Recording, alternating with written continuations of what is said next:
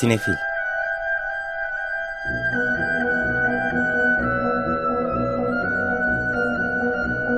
Hazırlayan ve sunanlar Melis Behlil ve Yeşim Burul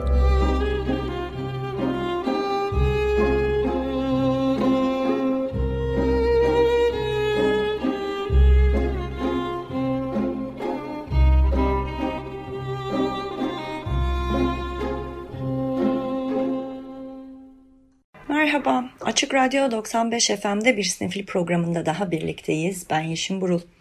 Bu hafta programımıza Jean-Luc Godard'ın Abu de Souffle, Serseri Aşıklar filminin müzikleriyle başladık. Dinlediğimiz parçanın adı Duo idi. Filmin orijinal müziklerine e, Marshall Solal imza atmıştı. E, filmin anlatısı ve ruhuyla da son derece örtüşen bu jazz soundtrack'inin e, onu dinleyerek başlayalım istedik Godard'a hep beraber veda edebilmek için. Evet 1930 doğumluydu. Ünlü Fransız yönetmen ve 13 Eylül Salı günü aramızdan ayrıldı.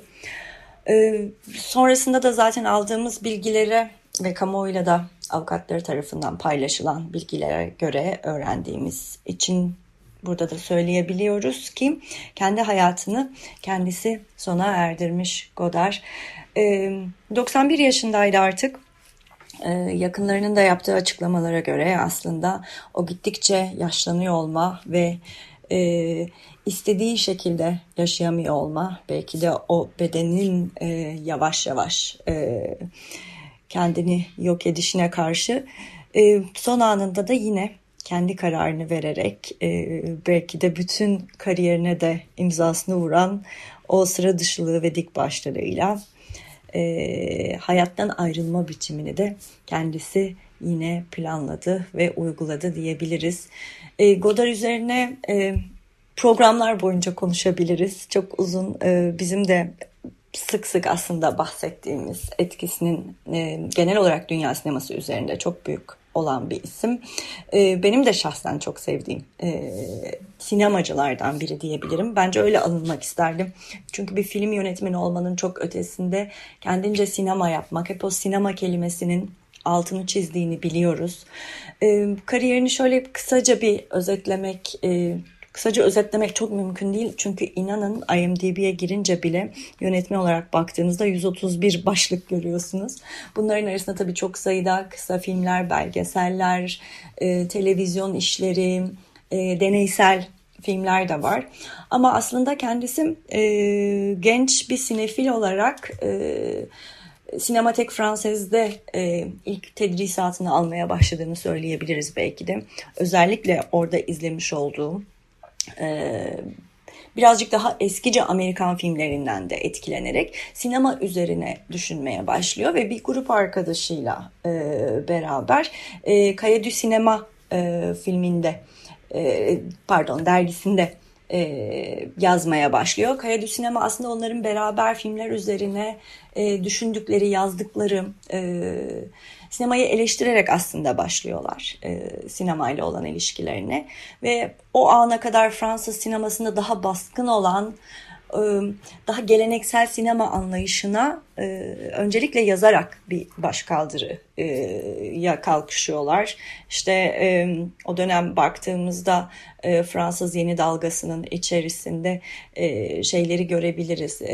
Yakın arkadaşları sonrasında beraber sinema yapacakları başta Truffaut olmak üzere Jacques Rivette, Claude Chabrol gibi isimler beraber yazıyorlar. O dönemde ünlü e, sinema teorisyeni André Bazin'in teorilerinden de çok etkilendiklerini söyleyebiliriz. E, uzun yıllar boyunca ona zaten e, referanslar vermeye devam ediyor hayatında. E, ama şey bir isim hani baktığımızda 60'larda öncelikle sinemaya dair bir başkaldırıyla yola çıkıp Fransız yeni dalgasını oluşturuyorlar ve bambaşka daha farklı bir sinema anlayışı ortaya koymaya çalışıyorlar. E, Biraz önce müziklerinden dinlediğimiz 1960 yapımı e, Serseri Aşıklar e, bu açıdan sinemada yapmaya çalıştığı kırılımı e, bize çok e, güzel aslında ortaya koyuyor. Serseri Aşıklar Abu de Sufle'de benim çok sevdiğim şeylerden biri genel sinema e, anlayışımın da bence e, önemli taşlarından biri. Belki de Godard'dan e, beslenerek e, zevkimi oluşturmamın da etkisinden kaynaklanıyor.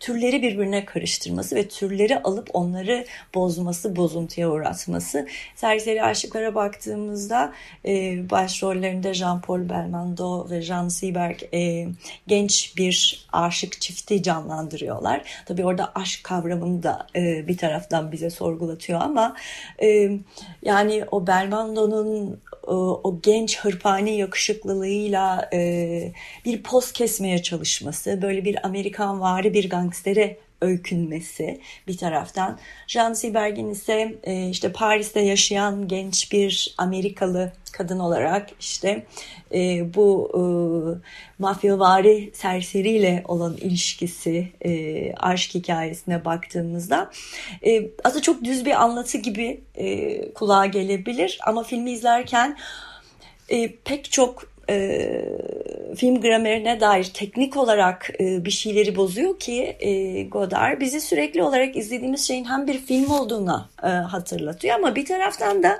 e, o hikayenin heyecanını ve ritmini de e, bizi e, uyum sağlatıyor. O gençlik enerjisini belki de beyaz perdeden seyirciye doğru harekete geçiriyor. E, filmin içerisinde aslında bu tam o geleneksel sinema anlayışını kıran dönüp kameraya bakarak konuşmalar.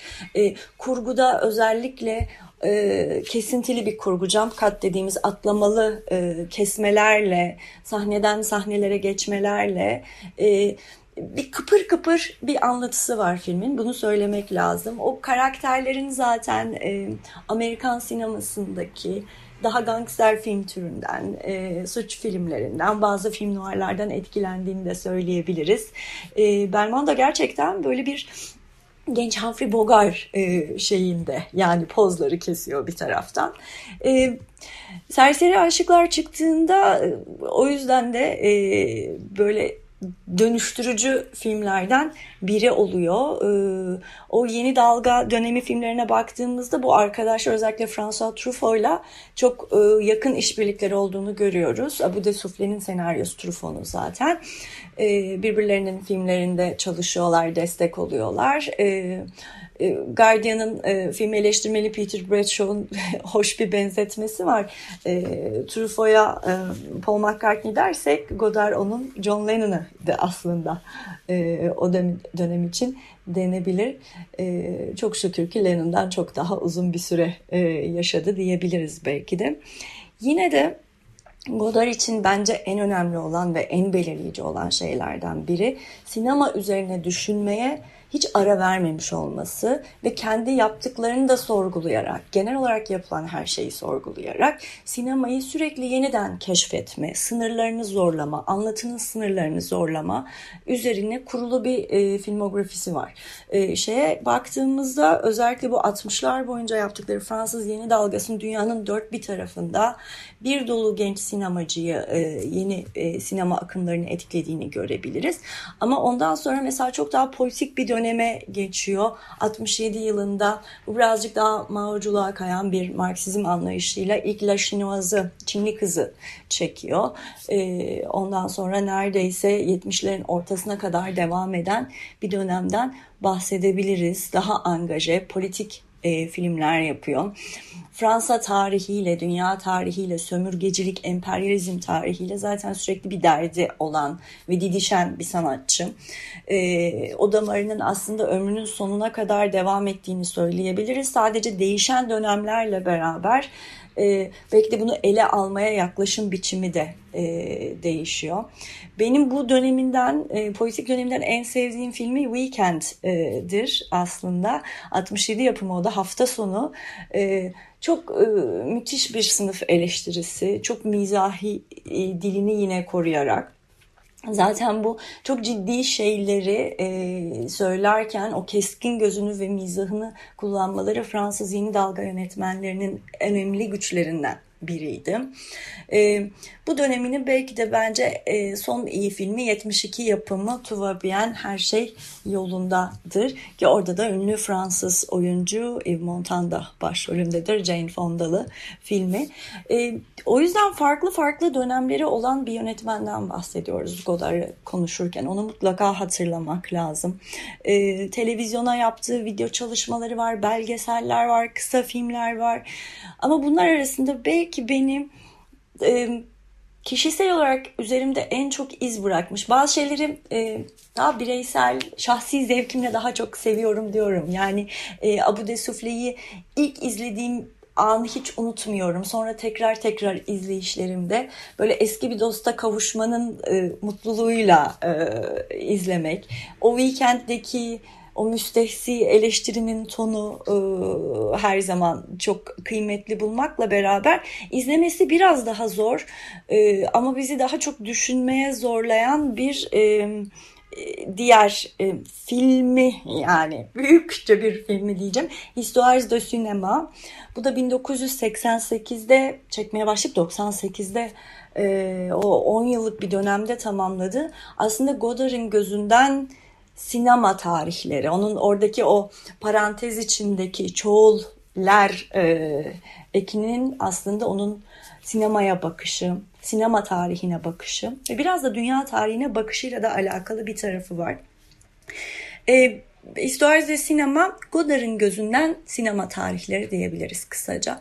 Dolayısıyla böyle bir sinema tarihi belgeseli gibi kesinlikle yaklaşmamak ve o gözle izlememek lazım. Hiç öyle bir iddiası da yok zaten.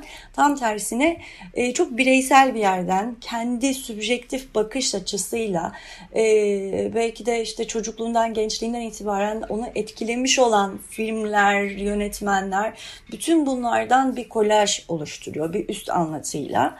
E, ve aslında kendi hikayesini anlatıyor. Yine sinema tarihinin kendisine dair e, öne çıkmış olan eserleriyle. E, tabii bu çok aslında batı merkezli bir tarihte. Yani Historis'de sinemayı izleyenleriniz e, onu çok fark etmiştir. Ya da yeni izleyecekseniz de o gözle bakmak lazım. Çünkü hakikaten kendisinin yetişirken e, izlediği şeyler bunlar. Dünya sinemasının geneliyle çok e, aşina olma fırsatı olmamış. Dolayısıyla geriye yönelik baktığında da kendisine etkileyen işler arasında onların çok büyük bir ağırlığı olduğunu görüyoruz. Ama Godard'ın iyi tarafı hani bu, bunun farkındalığını taşıyor olması. Zaten e, o yüzden tek bir sinema tarihi olamayacağı, sinema tarihlerinin olması ve zaten bu bakış açısıyla sadece sinemaya değil aslında dünya tarihine bakışı da dünya tarihleri farklı anlatılar e, etrafında şekillenmesi gerektiğini de bilincinde olan bir isim olarak bunu bizimle paylaşıyor. O yüzden belki de bittikten sonra e, yani Godard'ın hayatı sona ermiş olabilir ama bize bıraktığı miras tabii sonsuza kadar e, sinefilleri, sinema severleri e, heyecanlandırmaya, ilham vermeye devam edecek. O yüzden 91 yaşında aramızdan ayrıldım. E, yani yaşlı bir delikanlıydı diyebiliriz belki de o açıdan. Ruhunu hep taze tutmaya, çalışmaya devam etti son anına kadar. E, teşekkür edelim bize bıraktığı her şey için, sorduğu ve sordurduğu tüm sorular için tekrar.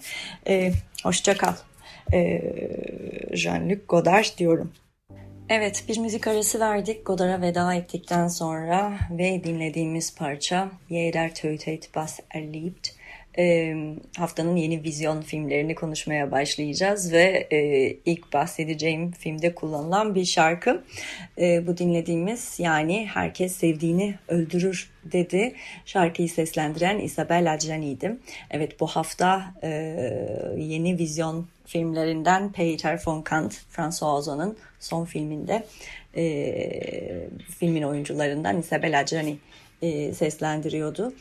E, Peter von Kant adından da anlayacağınız gibi e, bir e, Fassbinder e, geniş uyarlaması diyebiliriz. Şöyle ki Petra von Kant'ın Acı Gözyaşları filmini cinsiyetleri ters çevirerek yeni baştan yaratıyor François Ozon. E, filmin başrollerinde e, Denis Menochet, e, Peter von Kant karakterini canlandırıyor ama aslında böyle bir e, Fassbinder personası olduğunu söyleyebiliriz. Çünkü tam öyle bir yönetmen. E, ona başrollerde Isabella Adjani, Hanna Şigula, Halil Bengarbiya ve bence filmin en şahane şeylerinden biri olan Stefan Krepon eşlik ediyorlar. E, Peter von Kant karakteri... E, bir e, gerçekten Fassbinder gibi bir yönetmeni canlandırıyor. Film zaten böyle 70'lerde geçiyor. E, sanat tasarımından kostümlerine hani şey çok o, o dönemi yaratıyor. E, neredeyse dört duvar arasında geçiyor hakikaten. E, o ama buna rağmen o canlı dünyasını bize çok güzel aktarıyor. E, Peter e, bir taraftan onun yardımcısı Karl e, Stefan Krepon'u canlandırdı. Onunla böyle gerçekten bir ezme ezilme ilişkisi yaşıyor. Çok kötü davranıyor Karl'a. Sürekli aşağılıyor. Bir köle gibi. Ama bir taraftan e, kendisi de sevmek e, istiyor ve arzu nesneleriyle o kişilerle böyle bir ilişki kuruyor. Bir gün çok önemli bir oyuncu Isabella Adjani canlandırı Sidonie. Onu böyle çok genç yakışıklı bir e, erkekle tanıştırıyor Amir adında. Amir'e görür görmez aşık oluyor. İşte seni meşhur edeceğim, şöyle yapacağım, böyle yapacağım ve sevgili oluyorlar.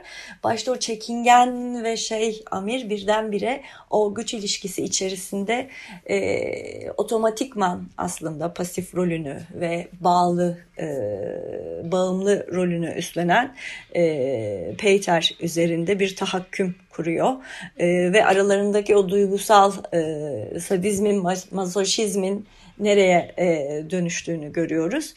E, orada o sevgiyi, arzulama, aşağılama, aşağılanma bu üç insan arasında aynı ev içerisindeki o dönen dinamikler başından sonuna kadar e, hakikaten e, bütün ekstravaganlığına rağmen bence oldukça ikna edici bir film çıkartıyor ortalığa.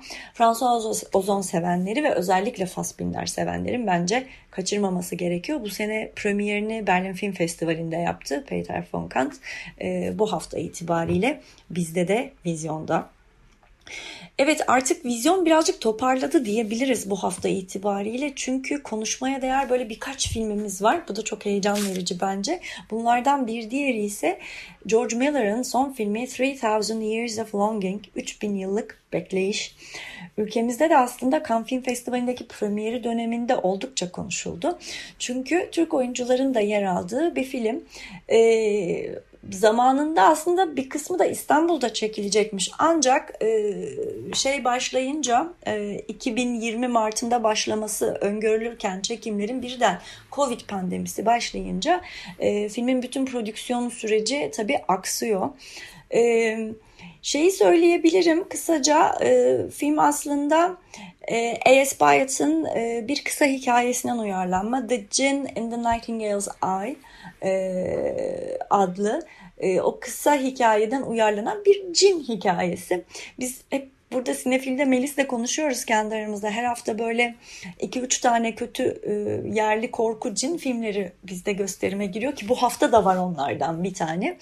E, işte cin e, figürünü alarak onu bambaşka bir şeye çevirme ve onun üzerinden e, böyle şey fantastik bir hikaye anlatmanın fantastik, eğlenceli ve zevkli bir hikaye anlatmanın da yolları var dediğim gibi. Ee, George Miller'ı Max Mad Fury Road 2015 yılında en son e, izlediğimiz filmiyle çok severek almıştık. Bu bir sonraki iddialı yapımı. Başrollerinde Tilda Swinton, Idris Elba var. E, Türkiye'den de e, oyuncular var. Ece Yüksel gibi, Erdil Yaşaroğlu gibi filmin çeşitli yerlerinde göreceksiniz. E, hikaye İstanbul'da başlıyor aslında. E, Tilda Swinton bir e, profesör e, ve o gezilerinden birinde geldiği İstanbul'da kapalı çarşıda bir e, antika e, lamba satın alıyor ve otel odasında bu e, lambaya hapsedilmiş olan cin ortaya çıkıyor. Bu cini de İdris Elba canlandırıyor. E, ve e, bu e, ikisinin ilişkisi o sohbetler üzerinde Cin ona uzun uzun geçmişini, yaşamış olduğu hayatını, hikayelerini anlatıyor. E, Tilda Swinton'ın canlandırdığı Alicia karakterine e, işte üç dilek bahşediyor.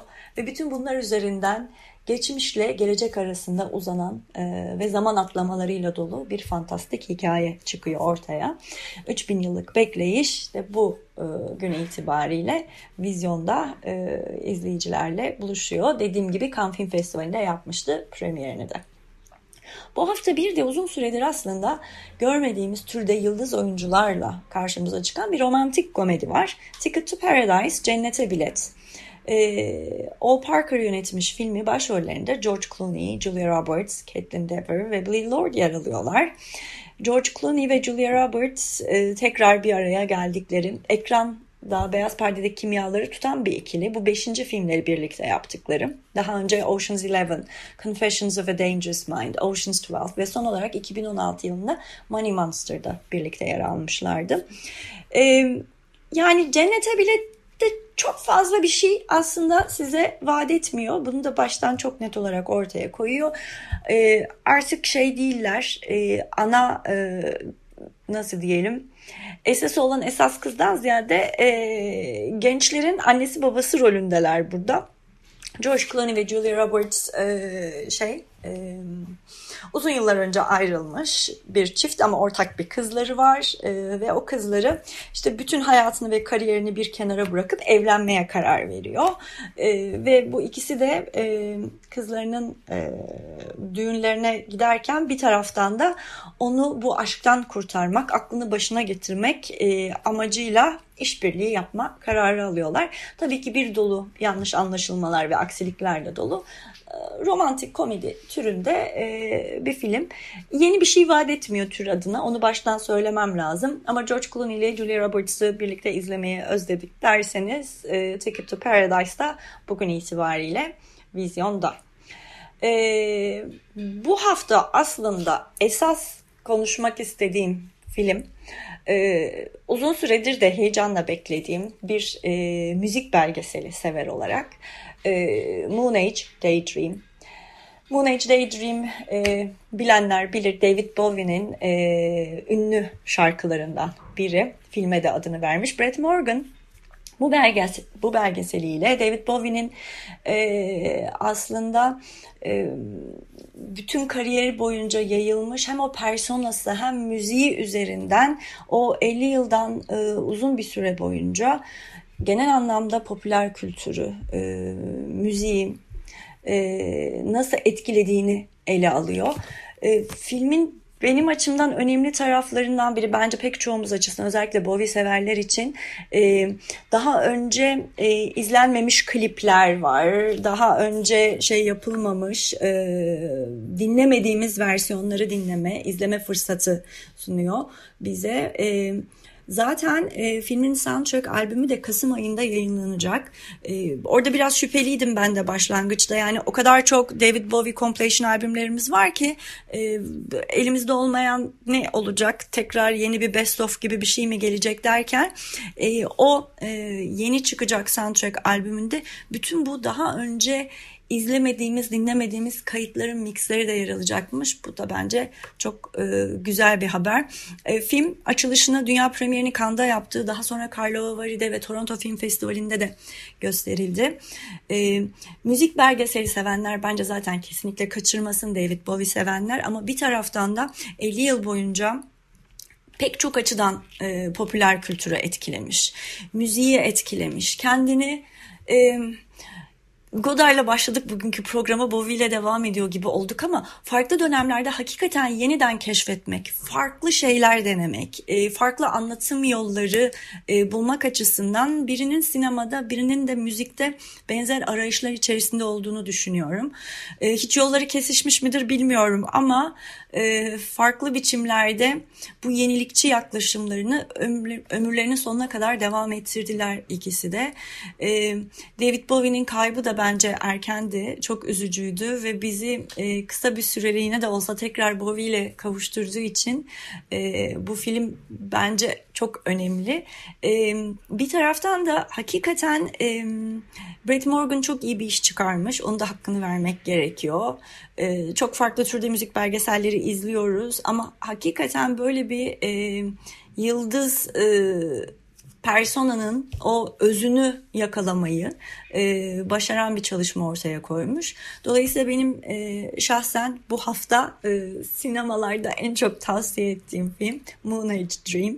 Bir şey izleyecekseniz bu hafta izleyin. Çünkü belgeseller biliyorsunuz çok uzun süre vizyonda kalmıyor. Gerçi bunu diğer... E, e, art house filmler için de rahatlıkla söyleyebiliriz diye düşünüyorum. Bu hafta dediğim gibi birkaç film daha var. İşte bunlardan biri yerli bir romantik komedi Burçlar. Bir diğeri yerli melodram Dokunma Hurdacının Kızı ve de yerli cinli e, korku filmimiz Can var. Bir de küçük dinleyicilerimiz için e, Dragon Ball Super Superhero filmi e, gösterime giriyor.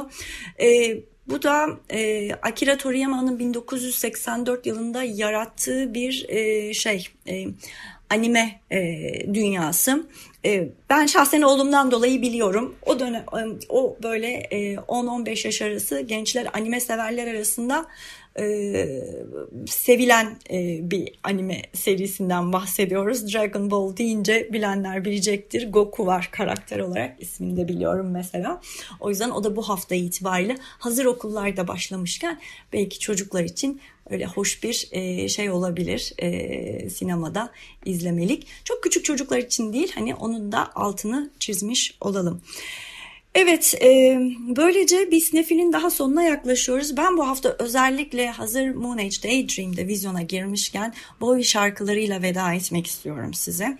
E, dediğim gibi Kasım'da çıkacak soundtrack bekliyoruz ama şimdiden iki şarkı remastered bir şekilde e, albüm versiyonları, bu soundtrack albümde yer alacak versiyonları yayınlandı. Bunlardan biri Moon Age Dream, diğeri de Modern Love. Onlarla başlayacağız ve diğer filmde kullanılan David Bowie klasikleriyle devam edeceğiz programımızın geri kalan kısmında.